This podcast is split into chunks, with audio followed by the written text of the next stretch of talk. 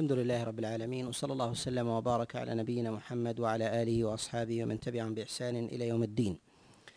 أما بعد تكلمنا في المجلس السابق على مسألة الحوض والشفاعة. في يقول هنا الرازيان بعدما ذكر الصراط والميزان وأن له كفتان وذكر أيضا الحوض المكرم به نبينا صلى الله عليه وسلم وذكر الشفاعة وأن ناسا من أهل التوحيد آه، قال وأن ناسا من أهل التوحيد يخرجون من النار بالشفاعة حق. هذا تقدم تفصيله والكلام عليه في المجلس السابق وتقدم أيضا معنا في ابتداء في مسألة الإيمان في مساله في مسألة الإيمان من جهة الأصل وتقدم الإشارة إلى أن أقواما من هذه الأمة يدخلون النار والخلاف في ذلك بين أهل السنة وبين المرجئة وأن المرجئة يقولون أنه يجوز الا يدخل أحد من أهل المعاصي والذنوب النار. وهذا هو الفرق بينهم وبين وهذا هو الفرق بينهم وبين أهل السنة. وننبه على على مسألة. وننبه على على مسألة. أنه يشتهر النقل عن المرجئة أنهم يقولون أنهم يقولون بعدم دخول العصاة. بعدم دخول العصاة. نقول أن المرجئة لهم في ذلك قولان. أن المرجئة لهم في ذلك في ذلك قولان. القول الأول أنه لا يدخل أحد. أنه لا يدخل أحد من العصاة وأنه النار وأن الذين يدخلون النار هم الكفار ويدخل الجنة هم المؤمنون. وثمة قول وهو الأشهر وهو القول وهو وهو الأشهر أنه يجوز ألا يدخل أحد من المؤمنين النار وقد يدخل. فهم فهم لديهم في ذلك احتمال عدم الدخول ولا يلزمون بذلك وإنما سموا مرجئة في هذا لأنهم يخالفون الدليل الصريح الصحيح عن النبي عليه الصلاة والسلام في دخول العصاة في دخول العصاة وقد جاءت أدلة كثيرة في ذلك من كلام الله عز وجل وكلام رسول الله صلى الله عليه وسلم في دخول أقوام من المؤمنين من العصاة النار وأن الله عز وجل يخرجهم بعد ذلك بالأجل الذي يضربه الله عز وجل لهم في النار. وهذا هو الفرق ولهذا بعض أهل السنة يقول أن القول الأول لا يذكر عن أحد بعينه. أنه لا يذكر عن أحد آه، بعينه آه، منهم والقول أما القول الثاني هو القول أنه, أنه قد لا يدخل. أنه قد لا يدخل وأن هذا القول وأن هذا القول يجوز. وهنا في قول في قول آه، الرازيين وعذاب القبر حق. وعذاب القبر القبر حق. بعدما ذكر الرازيان ما يتعلق بمسألة الميزان والصراط وكذلك أيضا الحوض وذكر الجنة والنار. رجع إلى إلى حياة البرزخ رجع إلى حياة البرزخ. وإنما قدمت الحياة الآخرة على حياة البرزخ لأن هي الغاية وهي المقصد. هي الغاية وهي وهي المقصد. فقدمت ما فقدم ما يتعلق بالآخرة على حياة البرزخ. ثم أيضا أن أن الحياة الآخرة هي الأصل أن الحياة الآخرة هي هي الأصل وأن البرزخ إنما هي قنطرة. فمن كان منعما في الآخرة فهو منعم في فهو منعم في حياة البرزخ ومن كان معذبا في الحياة الآخرة فهو معذب في حياة في حياة البرزخ. ومن كان كافرا بالحياة الآخرة فإنه كافر بحياة البرزخ. ولا يلزم أن يكون الإنسان إذا إذا كفر بحياة البرزخ أن يكون كافرا بالحياة الآخرة. ولهذا قدم ما يتعلق بالحياة الآخرة. وهنا فيما يتعلق بمسألة عذاب القبر. عذاب القبر يكون في حياة البرزخ. ومعلوم أن الحياة أن الحياة على على أنواع. الحياة الدنيا وحياة البرزخ والحياة الآخرة. والحياة الحياة الآخرة التي فيها فيها الخلود التي فيها فيها الخلود. وتقدم ما يتعلق بمسألة العمل وكذلك أيضا ما يتعلق بمسألة آه، الكسب في أمر الدنيا في عمل الصالحات والسيئات في صدر هذا في صدر هذا الكتاب. وما يتعلق بمسألة البرزخ نقول إن الرازي إن ذكر ذكر ما يتعلق بعذاب القبر وابتداء ما يتعلق بالبرزخ ولم يذكر الموت ولم يذكر الموت لأن الموت لا ينكره أحد. الموت لا ينكره أحد إلا زنادقة العصر إلا زنادقة العصر الذين يضعون احتمالا لعدم الموت. يضعون احتمال لعدم لعدم الموت. وهذا وجد عند ملاحدة ملاحدة المعاصرين الذين يقولون إن الإنسان يموت. ولكن يحتمل ألا يموت. إذا تطور الطب ووجد وجد في ذلك علاجا لكل مرض. فهم يكفرون من جهتين. انهم يكفرون من جهتين غير الجهات الأخرى من جهة عدم تسليمهم لكن ما يتعلق بهذه القضية نقول أنهم نفوا ما لا ينفى حتى من جهة العقل. فانه ما من أمة من امم من الأمم نفت الموت لأنهم يرون يرونه ظاهرا أمامهم. فالأبناء يرون الآباء والآباء يرون من سلف أيضا من الأجداد وغير ذلك. فإنهم يرون الموت ظاهرا جليا ولا يمكن لأحد ان أن ينكره.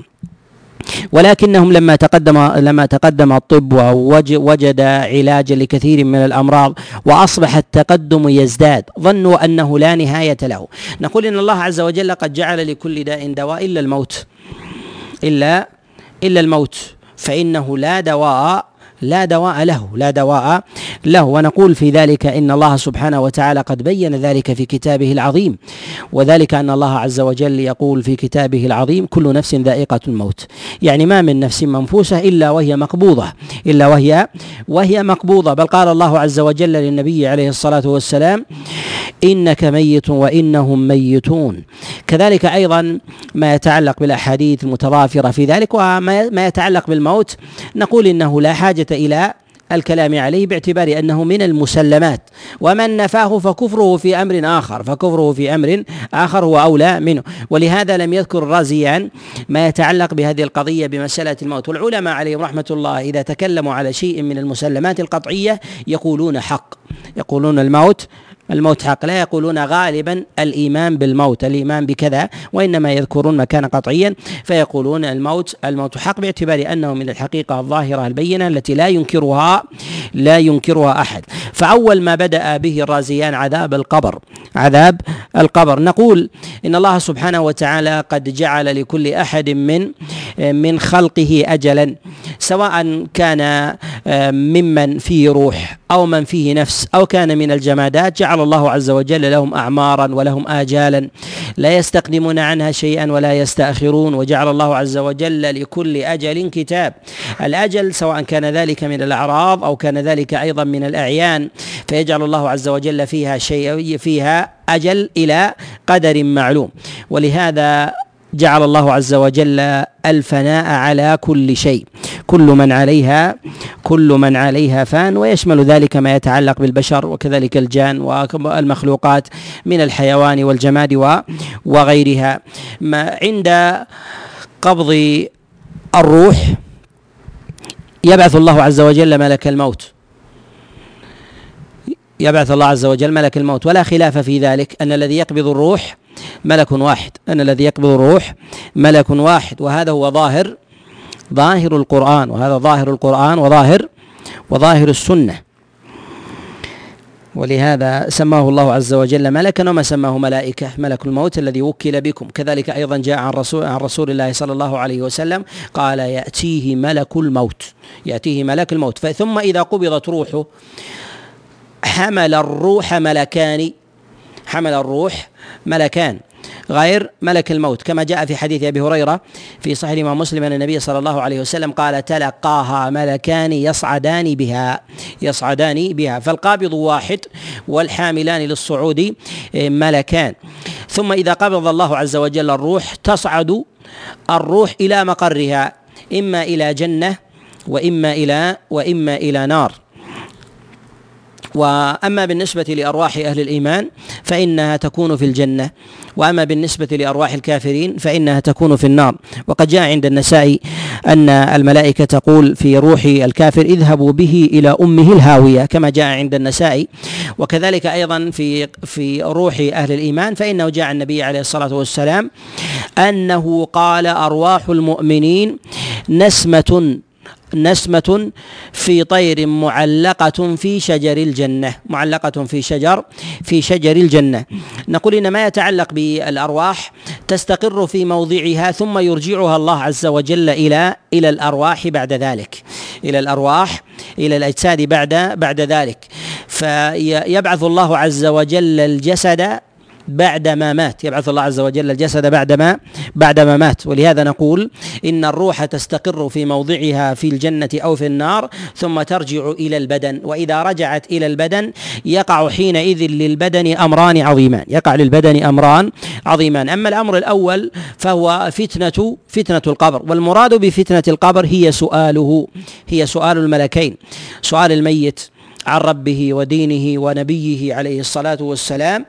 فهذه تسمى فتنة القبر وقد استعاذ النبي صلى الله عليه وسلم منها في أحاديث كثيرة بل تواتر عن رسول الله صلى الله عليه وسلم أنه كان يستعيذ يستعيذ منها بل كان النبي عليه الصلاة والسلام يخطب فيها في أصحابه كما جاء في حديث أسماء بنت أبي بكر كما جاء كما جاء في الصحيح أن رسول الله صلى الله عليه وسلم ذكر فتنة القبر قال فضج فضج الناس. وهو وهو على المنبر وهذا يدل على أن النبي عليه الصلاة والسلام كان ينبه أصحابه ويحذرهم عليه الصلاة والسلام من هذا من هذا الأمر. ثم أيضا قد دلت الأدلة في كلام الله عز وجل وكلام رسول الله صلى الله عليه وسلم على فتنة القبر. ومنها قول الله جل وعلا يثبت الله الذين آمنوا بالقول الثابت في الحياة الدنيا وفي الآخرة. جاء عن رسول الله صلى الله عليه وسلم أن هذا هو سؤال الملكين كما جاء في الصحيحين من حديث البراء وجاء عن غيرهما من حديث عبد عند غيرهما من حديث عبد الله بن عباس وحديث أبي هريرة وغيرهم من أصحاب رسول الله صلى الله عليه وسلم. وجاء أيضا موقوفا على عبد الله بن عباس وغيره أن المراد بالتثبيت هنا هو التثبيت عند سؤال الملكين. هو سؤال سؤال الملكين. وهذا من الأمور التي قد دل الدليل عليها أيضا متواترا عن رسول الله صلى الله عليه وسلم وكذلك أيضا عن أصحابه. ومنها ما جاء عن رسول الله صلى الله عليه وسلم أن الرجل إذا مات ووضع في قبره أتاه ملكان فاقعداه فأقعده فسألاه عن عن ربه ونبيه ودينه عن ربه ونبيه ونبيه ودينه. فنقول إن السؤال يكون من ملكين قد دل الدليل أن العدد أن العدد في ذلك أن العدد في ذلك اثنان. وهذا قد جاء عن رسول الله صلى الله عليه وسلم في الصحيحين. وأما بالنسبة لاسمهما يأتي في كلام في كلام الرازيين أنه منكر ونكير ويأتي الكلام عليه. نقول ان ما يتعلق برجوع الروح إلى إلى البدن بعد استقرارها ورؤيتها لموضعها من الجنة والنار ترجع إلى البدن ثم ثم تسأل ثم ثم تسأل. فترجع الأرواح وترد العقول إلى أصحابها كهيئتها في الدنيا. قد جاء عند أبي داود من حديث عبد الله بن عمر وكذلك أيضا عند الإمام أحمد أن النبي صلى الله عليه أن النبي صلى الله عليه وسلم ذكر فتان القبر. فقال عمر بن الخطاب أترد إلينا عقولنا؟ قال النبي عليه الصلاة والسلام نعم كهيئتكم اليوم. نعم كهيئتكم اليوم. يعني يكون الإنسان في يقظة تامة كيقظته في الحياة الدنيا ويسأل كما لو كان كما لو كان في الدنيا كما لو كان كما لو كان لو كان في الدنيا. وترجع الروح إلى البدن. ولو كان البدن تالفا وذلك بحرق أو كان رميما أو غير ذلك. ولهذا جاء عن رسول الله صلى الله عليه وسلم كما في حديث أبي هريرة في الرجل الذي لم يعمل خيرا قط؟ فقال لأبنائه فقال لأبنائه لما حضرته الوفاة قال احرقوني ثم اطحنوني ثم ذروني في الريح فوالله لئن قدر الله علي ليعذبني عذابا ما عذبه أحدا من العالمين. فقال الله عز وجل لأجزائه كن فلانا فكان فكان فلانا. لهذا نقول إن البدن لو كان ممزقا لأعاده الله عز وجل ثم وضع فيه الروح لي ليسأل الله عز وجل عبده بملكيه يسأل الله عز وجل عبده بملكيه. فما يتعلق بالأمر ما يتعلق بالأمر الأول وهو فتنة القبر. فتنة القبر القبر إذا أطلقت المراد بها هو سؤال الملكين. هي سؤال الملكين وهو الفتنة والمراد بالافتتان هي الاختبار. من كان صاحب يقين في الدنيا فإنه لا يتلجلج ولا يتجلجل وإنما يجيب على الفور وذلك ليقينه. وبمقدار يقين الإنسان وقوته وإيمانه فإن جوابه يكون حاضرا. وبمقدار ضعفه ونفاقه يتلجلج ويتجلجل ويتلكى في جوابه وربما لم يجد جوابا. وربما لم يجد لم يجد جوابا. ولهذا ذكر الله عز وجل التثبيت. يثبت الله يعني أهل الإيمان بذلك بحسب بحسب إيمانهم وقربهم من ربهم سبحانه سبحانه وتعالى. وأما ما يتعلق بأهل الفترة بأهل الفترة ومن لم تبلغه الحجة نقول إن ما يتعلق بفتنة القبر هي لمن بلغته الحجة لمن بلغته الحجة.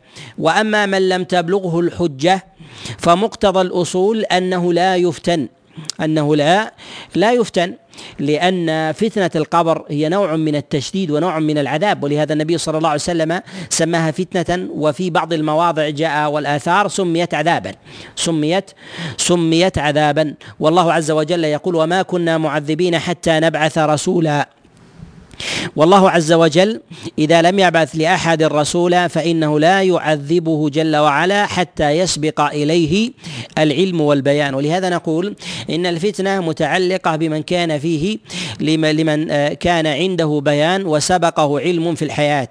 وأما أهل الفترة ومن لم يبلغه الدليل من غيرهم فإنه حينئذ نقول أنه لا يفتن إلا إن سبقه علم وبيان. سبقه علم وبيان فإنه يمتحن بعد ذلك. وأما موضع البيان وموضع الامتحان والعلم الذي عز و... الله عز وجل يعطيه عباده ممن لم تبلغه الحجة الله عز وجل أعلم بزمانه. الله أعلم ب... بزمانه. هل يكون ذلك قبل ذلك أم يكون بعده؟ أم يكون أم يكون يكون بعده. ولهذا نقول إن أمرهم إن أمرهم إلى الله سبحانه وتعالى. ويلحق في هؤلاء أيضا من كان من أطفال من كان من الأطفال ممن لم يكلف ويلحق كذلك أيضا من كان من ممن لم يكلف كالمجنون والمعتوه وغيرهم و وغيرهم فيلحقون في ذلك ويلحقون في ذلك. وأما بالنسبة لأطفال المؤمنين فيرجى أن يكونوا أن يكونوا في مواضع في مواضع آبائهم في الجنة. أما الأمر الثاني فهو عذاب القبر. فهو عذاب عذاب القبر. ذكرنا فتنة القبر وذكرنا وهنا نذكر عذاب عذاب القبر. بالنسبة لعذاب القبر فعذاب القبر يكون على الكافرين وعلى وعلى عصاة الموحدين ممن شاء الله عز وجل ألا يغفر له ألا يغفر له. أما بالنسبة للكافرين فإن هذا مما لا خلاف مما لا خلاف فيه مما لا خلاف مما لا خلاف فيه أنه يكون لجميع لجميع الكفار. ولهذا ذكر الله عز وجل فرعون وقومه النار يعرضون عليها غدوا وعشيا والمراد بذلك في الحياة البرزخ. وكذلك أيضا جاء في حديث عبد الله بن عمر في الصحيحين وغيرهما أنه يعرض عليه مقعده من الجنة والنار. يعرض عليه مقعده من الجنة من الجنة والنار يعني يعني في قبره. وهذا نوع من وهذا نوع من من العذاب. وكذلك أيضا قد سمى الله عز وجل عذاب القبر في كتابه العذاب الأدنى. جاء ذلك تفسير ذلك عن جماعة من الصحابة عليهم رضوان الله. جاء ذلك عن عبد الله بن عباس. وجاء أيضا عن طوس بن كيسان. وجاء أيضا عن قتادة ومجاهد بن جبر وغيرهم. أن المراد بالعذاب الأدنى هو عذاب القبر. وقد تواترت الأدلة في عذاب القبر من حديث عائشة ومن حديث البراء ومن حديث أنس بن مالك وغيرهم من أصحاب رسول الله صلى الله عليه وسلم. ولا يثبت عن أحد من الصحابة أنه قال بنفي عذاب القبر أو بالتشكيك فيه. أما عدم العلم السابق فنعم فلم يكونوا يعلمون بعذاب القبر حتى جاءهم الدليل. ولهذا لما أخبرت اليهودية عائشة عليه رضوان الله تعالى بعذاب القبر ودعت الاستعاذة من عذاب القبر استغربت وسألت رسول الله صلى الله عليه وسلم فأقرها النبي عليه الصلاة والسلام على ذلك. وكذلك أيضا ما صح عن علي بن أبي طالب أنه قال كنا نشك في عذاب القبر حتى أنزل الله عز وجل قوله جل وعلا ألهاكم التكاثر وذلك أن الله عز وجل بين أنهم يعلمون في قبورهم ويرون ويرون العذاب عيانا ويرون العذاب العذاب العذاب عيانا. وما يتعلق بعذاب آه، العصاة من المؤمنين. فنقول قد دلت الأدلة عليه أيضا قد دلت الأدلة عليه عليه أيضا. وهذا خالف فيه بناء على أصلهم المرجئة وخالف فيه كذلك أيضا الخوارج. لأنهم لا يوجد لديهم عصاة أصحاب كبائر إلا وهم كفار. وأما البقية فإنهم مؤمنون لا يطرأ عليهم عذاب. وأن الذي يعذب هو الكافر. فمن دخل النار فإنه لا يخرج منها. وهذا على قاعدة على قاعدة الخوارج ينفون ينفون عذاب القبر على عصاة الموحدين على عصاة الموحدين. قد دل الدليل في السنة على عذاب الموحدين من العصاة في القبور. ومن ذلك ما جاء في الصحيح في قول النبي عليه في الصحيحين لما مر النبي عليه الصلاة والسلام على قبرين قال إنهما لا يعذبان وما يعذبان في كبير بلى وإنه كبير. أما أحدهما فيمشي بين الناس بالنميمه وأما الآخر فلا يستنزه من البول. وكذلك أيضا ما جاء عن رسول الله صلى الله عليه وسلم في عذاب آكل الربا المرابي والزنات وغير ذلك ممن بين النبي صلى الله عليه وسلم عذابهم في حياته في حياة البرزخ. فهؤلاء يعذبون إلى أجل ولا يعذبون إلى الأبد ولا يعذبون إلى إلى الأبد وإنما إلى أمد معدود الله عز وجل أعلم به. ثم بعد ذلك إذا انتهى عذابهم فإنه يكون بعد ذلك يكون بعد ذلك مآلهم إلى مآلهم إلى إلى نعيم إن كانوا في نعيم إذا كانوا في نعيم ابتداء في الآخرة إذا كانوا في نعيم في ابتداء في الآخرة. وذلك أن الجنة إذا دخلها الإنسان وتنعم بها فإنه لا يخرج فإنه لا يخرج منها بخلاف النار بخلاف النار. ولهذا نقول إن من المؤمنين من يعذب في قبره ثم يزول عنه العذاب فيكون ذلك كفارة له فيدخل الجنة بسبب التكفير الذي لحقه في قبره. بسبب التكفير الذي لحقه في قبره. ومنهم من يكتب الله عز وجل له العذاب في الآخرة ودخول النار. ودخول النار. وهذا نقول إنه إنه من جهة الأصل أنه لا يدخل الجنة. لا يدخل الجنة لأن روحه لو دخلت الجنة لأن الروح لو دخلت لو دخلت الجنة لما خرجت لما خرجت منها إلى النار. لما خرجت منها إلى النار. وإن كان الله عز وجل يعيد الروح إلى البدن متى ما شاء سبحانه وتعالى أما خروجها من الجنة وعودتها إلى النار فإن هذا لا دليل فإن هذا لا دليل لا دليل عليه. وأما بالنسبة لضمة القبر لضمة القبر فهل هي من العذاب أم لا؟ نقول قد جاءت أدلة كثيرة في ضمة القبر وهي الضغطة التي تكون على البدن حتى تختلف الأضلاع.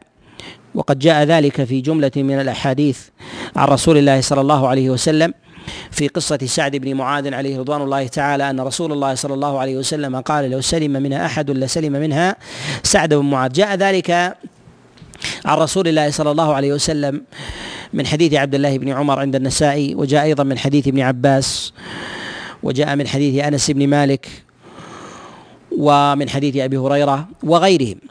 وجاء أيضا من حديث أنس بن مالك عليه رضوان الله تعالى أن رسول الله صلى الله عليه وسلم قال لو سلم منها أحد لسلم منها هذا الصبي وذلك في صبي دفن. وقد أخرج ذلك الطبراني.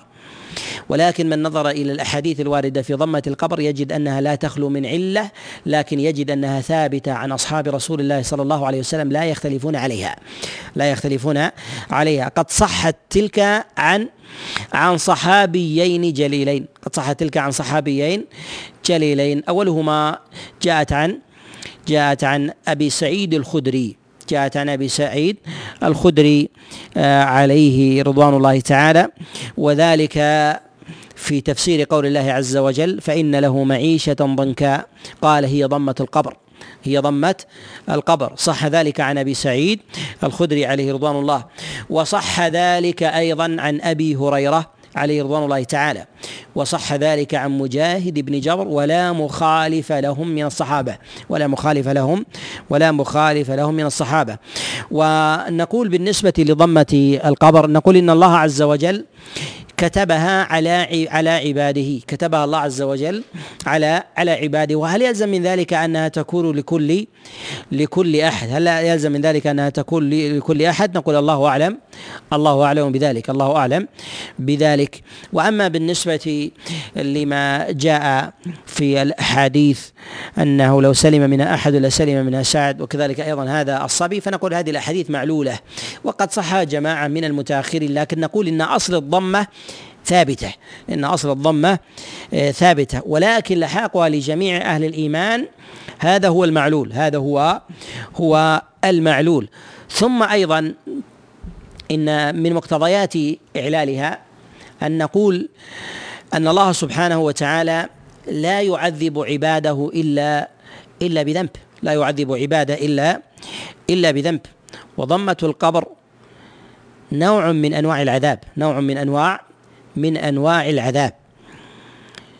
والأصل أن العذاب لا يكون إلا على مذنب مقصر مسرف لم يغفر الله عز وجل له. ولهذا نجد أن تفسير الصحابة لها لمن أعرض عن ذكر الله وليست لي وليست للجميع. وأما على القول بتصحيح الأحاديث الواردة في ذلك في ضمة سعد وأنه لا يسلم منها لا يسلم منها أحد فعلى افتراض صحتها فنقول إن هذه الضمة يريد الله عز وجل بها أن تكون أن تكون فكاكا للإنسان من محنة بعدها. فهي نوع من نوع من الرفعة والتطهير. فهي نوع من الرفعة والتطهير. ويكون حينئذ حالها كحال ما يجد الإنسان من سكرات الموت وشدته فهو نوع من جنس من جنس الألم. وكذلك أيضا الفزع الذي يلحق الإنسان في الآخرة فإنه يلحق حتى الخلص والكمل من الخلق من الأنبياء كنبينا عليه الصلاة والسلام وإبراهيم الخليل. وموسى وعيسى وغيرهم من أنبياء الله سبحانه وتعالى. فإذا كانوا وهم بهذه المنزلة فإن غيرهم من باب أولى فإن غيرهم من باب من باب أولى. فنقول إن لله عز وجل في ذلك فيها حكمة ترفع عبده وتخفف عليه ما يأتي بعد ما يأتي بعد بعد ذلك. ونحملها على رحمة الله سبحانه وتعالى فتكون حينئذ من جنس من جنس آه، نزع الروح وكذلك أيضا وكذلك أيضا السكرات.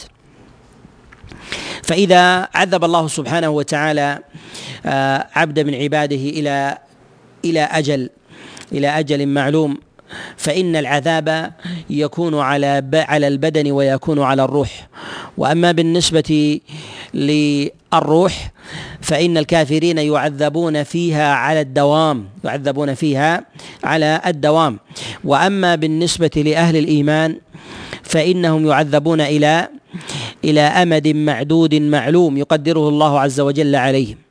إذا لم يشاء الله عز وجل لهم دخول الجنة ابتداء بعد محنة وعذاب القبر فإن الله عز وجل يرجع نعيمهم إلى ما بعد خروجهم من من النار إلى ما بعد خروجهم من النار. وإذا كانوا يكتفون بعذابهم الذي كان في القبر وشدتهم التي لقوها فيه فإن الله عز وجل يجعل أرواحهم تلحق يجعل أرواحهم تلحق آه، تلحق بقية المؤمنين في في الجنة. والعذاب يكون على الروح والبدن وهذا ظواهر الأدلة التي دلت عليه من الكتاب والسنة وهذا الذي يجمع عليه السلف وهذا الذي يجمع عليه عليه السلف. ولم يخالف في ذلك إلا المتكلمون من المعتزلة وكذلك أيضا بعض الطوائف من متكلمي من المتكلمين. آه وكذلك أيضا بعض أهل الحديث بعض المنتسبين إلى الحديث من الظاهر كابن حزم الأندلسي فإنه يجعل فإنه يقول بأن العذاب فأن بأن العذاب لا يكون على البدن. ومن باب أولى الذين يقولون أن البعث لا يكون للأبدان وأن النعيم يكون للأرواح. وتقدم معنا أن هذا القول هذا قول لبعض الفلاسفة. الفلاسفه من المتقدمين المتاثرين بفلسفة اليونانيين كأرسطو وأفلاطون وسقراط ومن تأثر بهذا كابن سينا والفارابي وغيرهم فإنهم يقولون إن النعيم في الآخرة يكون للأرواح العارفة والعذاب في الآخرة يكون للأرواح الجاهلة. يكون للأرواح الجاهلة. وعلى هذا من باب أولى أنهم لا يقولون بشيء يطرأ على البدن وأن هذه الأبدان تفنى وأن هذه الأبدان الأبدان تفنى. وهذا قول وهذا قول باطل. وهذا قول باطل لأن الدليل قد دل عليه. قد دل عليه. ولهذا النبي صلى الله عليه وسلم يقول كما في الخبر الصحيح قال ثم تعود إليه روحه. وقوله عليه الصلاة والسلام كما جاء في حديث عبد الله بن عمر لما ساله عمر بن الخطاب عليه رضوان الله تعالى قال أتعود إلينا أرواحنا عقولنا؟ فقال النبي عليه الصلاة والسلام نعم كهيئتكم اليوم. نعم كآياتكم اليوم. كذلك أيضا في ظاهر الدليل في الصحيحين قال فيأتيهم ملكان فيقعدانه. ف فيقعدانه يعني أنه يقعدان بدنه. كذلك أيضا ما جاء من الأحاديث آه، في آه، في عذاب آه، البدن في الآخرة سواء في عذاب المرابي والنمام وكذلك أيضا في الزنات وغير ذلك من وغير ذلك من الأدلة. وغير ذلك من الأدلة الواردة عن رسول الله صلى الله عليه وسلم. وأما بالنسبة لمواضع الأرواح لأهل الإيمان فهل هي على مرتبة واحدة؟ نقول إن الكافرين ليسوا على مرتبة واحدة كذلك المؤمنين. كذلك فإن المؤمنين ليسوا على مرتبة واحدة. ليسوا على مرتبة على مرتبة واحدة. بالنسبة لأهل الإيمان قد دلت أدلة متباينة على مواضع الروح على مواضع الروح. أولها في آه، روح النبي عليه الصلاة والسلام كما جاء في الصحيح في قول النبي عليه الصلاة والسلام في الرفيق الأعلى في الرفيق الأعلى. وذلك وذلك في أعلى المواضع. ثانية في أرواح المؤمنين. قال النبي عليه الصلاة والسلام نسبة المؤمن في طير معلق في شجر الجنة في شجر الجنة. وعلى هذا نقول إن روح المؤمن تكون في طير وهذا الطير معلق في شجر الجنة يعني حكمه كحكم الثمر. حكمه كحكم كحكم الثمر. الثالثة أرواح المجاهدين. الشهداء. في قول النبي صلى الله عليه وسلم أرواح الشهداء في حواصل طير خضر. في حواصل طير خضر. وجاء في رواية ترد أنهار الجنة وتكل وتأكل من ثمارها وتأكل من ثمارها. وورودها لأنهار الجنة وأكلها من ثمارها قد اختص في الدليل لأرواح الشهداء لأرواح الشهداء. وهذا لا يمنع أن يكون غيرهم يأخذون حكمهم أن يأخذون حكمهم. بالنسبة لأرواح أهل الإيمان فإن الدليل جاء فيها أنها معلقة أنها في طير معلقة في شجر الجنة معلقة في طير في شجر الجنة. بالنسبة لأرواح الشهداء في جوف طير في جوف طير يسيح في الجنة يعني أنه لم يكن لم يكن معلقا ويرد ماءها ويأكل ويأكل من ثمرها. هذا لماذا قلنا أنه لا يختص به الشهداء؟ لأنه ثمة من المؤمنين من هم مثل الشهداء وأعلى منهم مرتبة. كالأنبياء والصديقين وغير ذلك من من آه من الأولياء من أولياء الله عز وجل. ونعلم أن أبا بكر الصديق عليه رضوان الله تعالى ما ما مات مقتولا شهيدا وإنما منزلته اعلى أعلى من هذه المنزلة. منزلته أعلى من هذه من هذه المنزلة. وعلى هذا نقول إن تلك ليست خصيصة. لا يشاركهم فيها غيرهم وإنما نقول إن هذه إنما هذا فضل لا تفضيل ونفرق بين الفضل وبين وبين التفضيل فهذا فضل جعله الله عز وجل لهم ولا يعني حرمان غيرهم منه حرمان غيرهم غيرهم منه ثم قال الرازيان ومنكر ونكير حق ومنكر ونكير ونكير حق. تقدم الإشارة إلى أن الإنسان في قبره يمر عليه أمران عظيمان فتنة القبر وعذاب القبر وعذاب القبر. وهنا ذكر منكر ونكير. وهما الملكان قد جاء في أن الذي يفتن الإنسان في قبره ملكان وقد دل الدليل على هذا في الحديث في الصحيح وفي غير في غير الصحيح. وكذلك أيضا استفاض واشتهر أنهم ملكان. وقد جاء على سبيل الإجمال في بعض الروايات تأتيه الملائكة وغير ذلك ولكن نقول هذا عدد يدخل فيه. المراد بذلك هو جنس. الجنس قد يكون اثنان وقد يكون أكثر. قد يكون اثنين وقد يكون وقد يكون أكثر أكثر من ذلك لكن قد دل الدليل على كونه ملكين على كونهما كونهما ملكين. وأما في تسميتهم بمنكر ونكير نقول قد جاءت في ذلك أدلة مرفوعة عند الترمذي. وجاء عند غيره من حديث عمر بن الخطاب وجاء أيضا من حديث من قول بعض السلف كعبد الله بن عباس وعبد الله بن عمر وجاء أيضا من قول بعض التابعين كعبيد بن عمير وغيرهم أن اسمهما منكر ونكير. ولكن الأحاديث المرفوعة متكلم فيها. الحديث المرفوعة متكلم متكلم فيها. ولكن رواية ذلك عن الصحابة عليهم رضوان الله والتابعين يدل على أن لها على أن لها أصل على أن لها لها أصلا و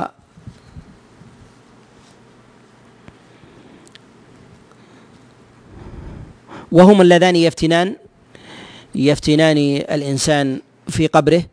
سواء كان المفتون مسلما أو كان أو كان كافرا. أو كان كافرا. ومن العلماء من يقول إن الكفار لا يفتنون في قبورهم وإنما يعذبون مباشرة باعتبار أنه لا يرد إليهم السؤال. ولكن نقول هذا هذا غلط. وإن قال به بعض العلماء من المتأخرين إلا أنه لم يقل إلا أنه لم يقل به أحد من السلف. ولا أحد في القرون المفضلة وإنما جاء بعد جاء بعد ذلك. والسبب في هذا القول قالوا إنما يسأل من يملك جوابا. وهذا التعليل تعليل لا حاجة إليه باعتبار أن الدليل قد ثبت عن النبي عليه الصلاة والسلام أن منهم من لا يملك جوابا ويقول ها ها لا أدري. فلا يملك حينئذ جوابا فيرد عليه العذاب فيرد عليه عليه العذاب. والأصل أن ما يجري على هذه الأمة من أحوال في قبورها يجري على غيرهم من الأمم من الأمم السابقة من الأمم السابقة. وهنا مسألة وهي ما يتعلق بقبض الروح بقبض الروح بعد بعد السؤال بقبض الروح بعد السؤال والافتتان. هل الذي يقبض الأرواح هو ملك الموت كما الذي قبضها قبل ذلك؟ نقول نعم. هذا هو الأصل هذا هو هو الأصل لأن الله عز وجل هو الذي وكله بذلك. فهو الذي يقبض الروح قبل ذلك وهو الذي يقبضها بعد بعد ذلك. ويستثنى من ذلك ويستثنى من ذلك ما استثناه الله عز وجل مما ذكر على سبيل الإجمال. ترجع صفته وأمره وكيفيته إلى الله سبحانه وتعالى. وذلك في النفخ في الصور. فإنه يسحق جميع الخلق ويموتون. فهل الذي يقبضهم جميعا هو الصاعق من تلك الصاعقة أم ملك الموت يقبض يقبض الناس جميعا؟ نقول الله عز وجل أعلم. الله عز وجل أعلم بذلك. و ثم قال الرازيان والكرام الكاتبون حق. والكرام الكاتبون حق. المراد بالكرام الكاتبين هم الذين يحصون على العباد أعمالهم من سيئات وحسنات. وهم رقيب وعتيد الذي يجعلهم الله عز وجل يدونون على العباد الحسنات والسيئات أحدهم عن اليمين وأحدهم عن الشمال. وسماهم الله عز وجل بذلك كراما كاتبين. وسماهم الله عز وجل حافظين. فيكتبون كتابا لا يغادر صغيرة ولا كبيرة إلا أحصاها وما يكتبون إلا الحسنات والسيئات. كما قال ذلك عبد الله بن عباس فيما رواه عكرمة عن عبد الله بن عباس. أما ما يتعلق بالأمور المباحة من أقوال الإنسان أعطني طعاما أو أعطني شرابا أو خذ كذا وأعط كذا أو غير ذلك من الأمور المباحة فإنها لا تكتب. فإنها فإنها لا تكتب. وما يكتب من ذلك إنما هو العمل الصالح والعمل السيء. العمل الصالح والعمل والعمل السيء.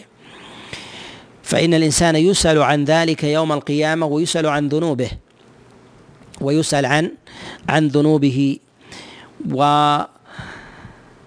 والملائكة المك... الذين أوكلهم الله عز وجل بالإنسان على أنواع عدة وعلى أصناف بحسب صفاتهم وأحوالهم وما أوكل الله عز وجل لهم من مهام ولكن نستطيع أن نجعلهم باعتبار الملازمة وعدمها أنهم على نوعين ملائكة ملازمون وملائكة غير ملازمين. الملائكة الملازم أو الملائكة الملازمون للعبد هم الكرام الكتبة وهم الحفظة. رقيب وعتيد والذي يلازم الإنسان ومعه على سبيل الدوام. هم على سبيل الدوام يكتبون على الإنسان أعماله من سيئات وحسنات.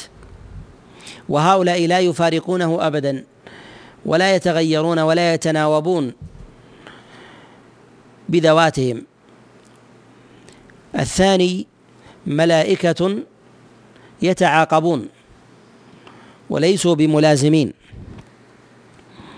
وهم الذين يكل الله عز وجل اليه مصالح العبد في أمره من جهة رزقه ودفع السوء عنه وكفايته وتسديده. فيوكل ملك إليه بتسديده إذا قرب من الله معينا له ومسددا. وإذا لم يرد الله إعانته لم ينصره الله عز وجل ولم يكفه. ومن ذلك أيضا الملائكة الذين يقاتلون مع رسول الله صلى الله عليه وسلم قاتلوا معه عليه الصلاة والسلام في غزوات وفي معارك. لا يعني من ذلك أنهم يلازمونه على سبيل الدوام. وكذلك أيضا في ملك الجبال لما جاء إلى رسول الله صلى الله عليه وسلم فاستأذنه. هذه حاجات يجعلها الله عز وجل لعباده يوكل ملكا من الملائكة فيها عند حاجة العبد إليها. وهؤلاء هم المعقبات. وهؤلاء هم المعقبات. فوصفهم الله عز وجل وسماهم بذلك. ومعنى ذلك أنهم يتعاقبون. لا لا يلتزمون بذواتهم لا يكون بذاته ملازما للعبد. وهم ومنهم ملائكة الليل والنهار والحفظة الذين يحفظون العبد بأذكاره وقرآنه فإذا قرأ حفظوه ودنوا منه وإذا لم لم يذكر الله عز وجل ابتعدوا عنه فيكفونه الشرور ويعصمونه بعصمة الله عز وجل وكفايته له. وكذلك أيضا منهم الملائكة الذين ملائكة الليل والنهار. كذلك أيضا الملك الذي يبقى عند رأس العبد عند نومه إذا قرأ ورده من القرآن كآية الكرسي وغيرها ويكفيه الشيطان وغير ذلك. فإن هؤلاء مما يتعاقبون يعني أنهم يأتون مرة بعد مرة أو يأتي مرة ثم إذا خرج يعقبه الآخر. وغير ذلك. والمراد بقول الرازيين هنا والكرام الكاتبون حق هم النوع الأول الملازمون للعبد الذين لا يفارقونه. الملازمون للعبد الذين الذين لا يفارقونه ويحصون عليه أعماله من حسنات وسيئات من حسنات وسيئات ويكتبون في ذلك أيضا مما يتعلق بالحسنة وتضعيفها.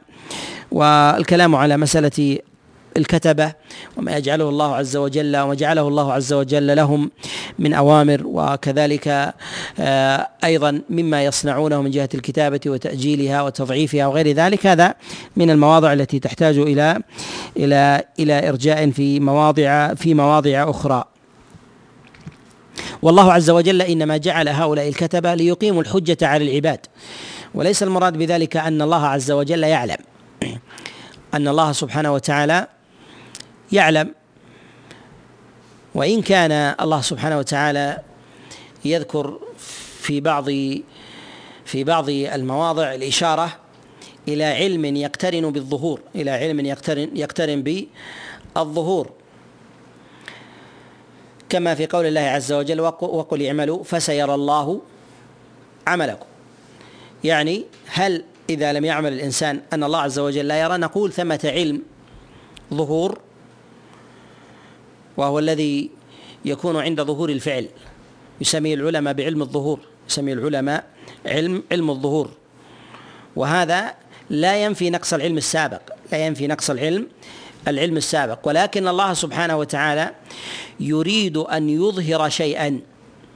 فهذا زاد ظهورا.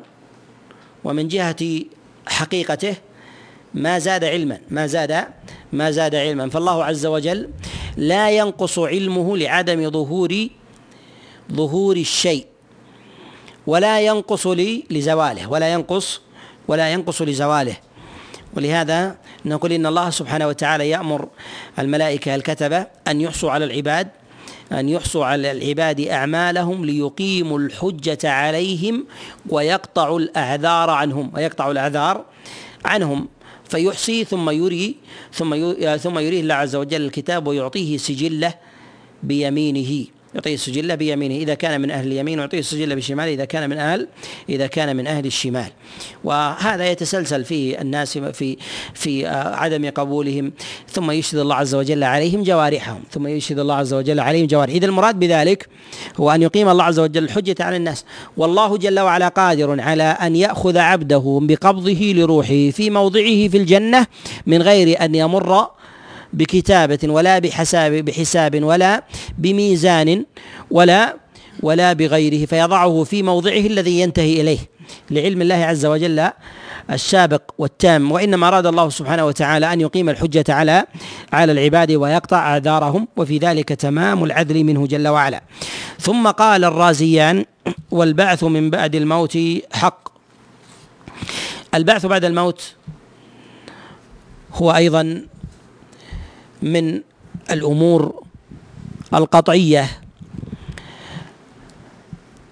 التي الإيمان بها من بداية الخلق مستقر في الفطرة حتى عند الضالين المعاندين المكابرين. ولهذا إبليس آمن به كما قال الله عز وجل عنه قال رب فأنظرني إلى يوم يبعثون فهو يقر بالبعث فهو يقر بالبعث.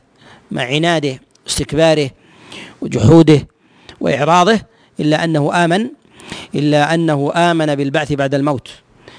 وكذلك أيضا فإن المكابرين من الأمم الأصل فيهم أنهم كانوا أنهم كانوا يؤمنون بالبعث ولكن ولكن كفرهم إنما هو عن الإعراض والاستكبار والعناد. وغير ذلك وإلا من جهة الحقيقة فهم يقرون بالخالق ويقرون بالمحيي المميت. وقد جعل النبي صلى الله عليه وسلم الإيمان بالبعث بعد الموت ركنا من أركان الإيمان. كما جاء في حديث جبريل في حديث أبي هريرة قال لما جاء جبريل إلى رسول الله صلى الله عليه وسلم وساله ما الإيمان؟ قال الإيمان أن تؤمن بالله وملائكته وكتبه ورسله. وبالقدر خيره وشره وبالبعث بعد الموت وبالبعث بعد بعد الموت. ولهذا يقول الله عز وجل والموتى يبعثهم الله يعني يوم القيامة. وكذلك أيضا في قول الله سبحانه وتعالى وأقسموا بالله جهد أيمانهم لا يبعث الله من يموت بلى وعدا عليه حقا. فالله عز وجل قد جعل البعث بعد الموت حقا عليه سبحانه سبحانه وتعالى. فالله عز وجل يبعث الأرواح بعد موتها.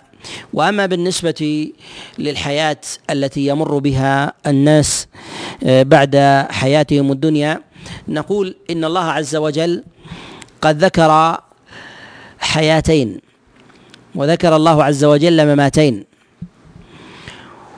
وجاء في السنة وجاء في بعض المواضع أكثر من ذلك وجاء في في بعض المواضع أكثر أكثر من ذلك. نقول إن العرب من عادتها أن تذكر العدد لتنفي الأدنى لا لتنفي الأعلى. فيكون في ذلك الإثبات لحياتين لا للنفي لما هو أكثر لا لما للنفي لما هو أكثر منها. ولهذا نقول إن الله سبحانه وتعالى قد بين الحياة الدنيا والحياة البرزخية والحياة الآخرة والحياة والحياة الآخرة. وهذه من جهة الحياة ثلاث. وأما بالنسبة لبعض الخلق نقول إن إن من الخلق ما الله عز وجل يجعل فيهم الحياة أكثر من ذلك. أكثر أكثر من ذلك. وذلك في الرجل الذي شك في بعث الله عز وجل وإحيائه للموتى. أماته الله عز وجل مئة عام. أماته الله عز وجل مئة مئة عام. كذلك أيضا في بعض بني إسرائيل إذا أخذهم الله عز وجل بالصاعقة ثم بعثهم سبحانه وتعالى بعد ذلك. هؤلاء قد كانت حياتهم الأولى ثم ماتوا ثم حيوا بعد ذلك ثم ماتوا ثم جاءتهم الحياة البرزخية ثم يبعثون بعد ثم يبعثون بعد ذلك ثم يبعثون بعد بعد ذلك. ولهذا نقول ان ما يتعلق بالحياة نقول نثبتها على سبيل الإجمال الحياة الدنيا والحياة البرزخ والحياة الآخرة. وأما بالنسبة للتفصيل كما طرا التفصيل على الحياة الدنيا منهم من يموت ويحييه الله عز وجل وهو في الدنيا كذلك أيضا من يكون في الآخرة ان يكون في الآخرة. ولهذا نقول إن الله عز وجل إن الله عز وجل وكل ملكا بالنفخ ينفخ في الصور واختلف في النفخ في عدده. عند العلماء اختلفوا في النفخ في الصور. قيل ان انهما إنهما نفختان وقيل ثلاث. وجمهور العلماء على أنهما نفختين على أنهما نفختان وهذا دل عليه الحديث في صحيح الإمام مسلم. ومنهم من قال إن النفخات ثلاث وهذا ذهب إليه ابن كثير رحمه الله كما في كتابه التفسير مستدلا بحديث أبي هريرة أن النبي صلى الله عليه وسلم سئل عن آه، سئل عن الصور فقال هو قرن ينفخ فيه فيه الملك وسئل عن النفخات فقال ثلاث نفخة الصعق ونفخة الفزع ونفخة البعث. ونفخة البعث. ومن العلماء من يجعل من يجعلهما نفختين. ويجعل نفخة الصعق والفزع واحدة. ونفخة البعث هي الثانية. هي هي الثانية. ويجمع بين هذين الحديثين. والأصح في ذلك بما جاء في صحيح مسلم أن النفخ في ذلك نفختان. نفخة النفخة نفختان. وهذا هو الأظهر وهو الذي عليه وهو الذي عليه الجماهير وهو الذي عليه الجماهير. بالنسبة للنفخة الأولى هي نفخة الملك على من كان حيا على من تقوم عليه الساعة على من تقوم عليه الساعة وهي نفخة نفخة الفزع وهي الراجفة. وهي النفخة الأولى وهي النفخة الأولى التي يموت بها الناس يموت بها الناس من كان حيا. من كان حيا يلحقون بالموت السابقين. وعلى هذا نقول من من الناس من تقوم قيامته بنفسه ويموت فيكون حكمه في قبض في قبض روحه في ذاته وكفي حكم نفخة الصعق. نفخة نفخة الفزع التي تأتي جميع الخلق التي تأتي جميع جميع الخلق. وأما بالنسبة للنفخة الثانية فهي النفخة التي يشترك فيها جميع الخلق. النفخة الأولى لا يشترك فيها جميع الخلق لا يشترك فيها جميع الخلق وإنما هي للأحياء. أما النفخة الثانية والأخيرة فيشترك فيها جميع الخلق يبعثهم الله سبحانه وتعالى فيقومون منشورين من قبورهم يقومون منشورين من من قبورهم. وهذا هي التي يجمع الله عز وجل فيها الناس ويخرجون من قبورهم وإلى المحشر إلى المحشر. وما بين النفختين أربعين كما جاء في حديث أبي هريرة عليه رضوان الله في في الصحيحين. واختلف في حد هذه الأربعين والله أعلم والله أعلم بذلك.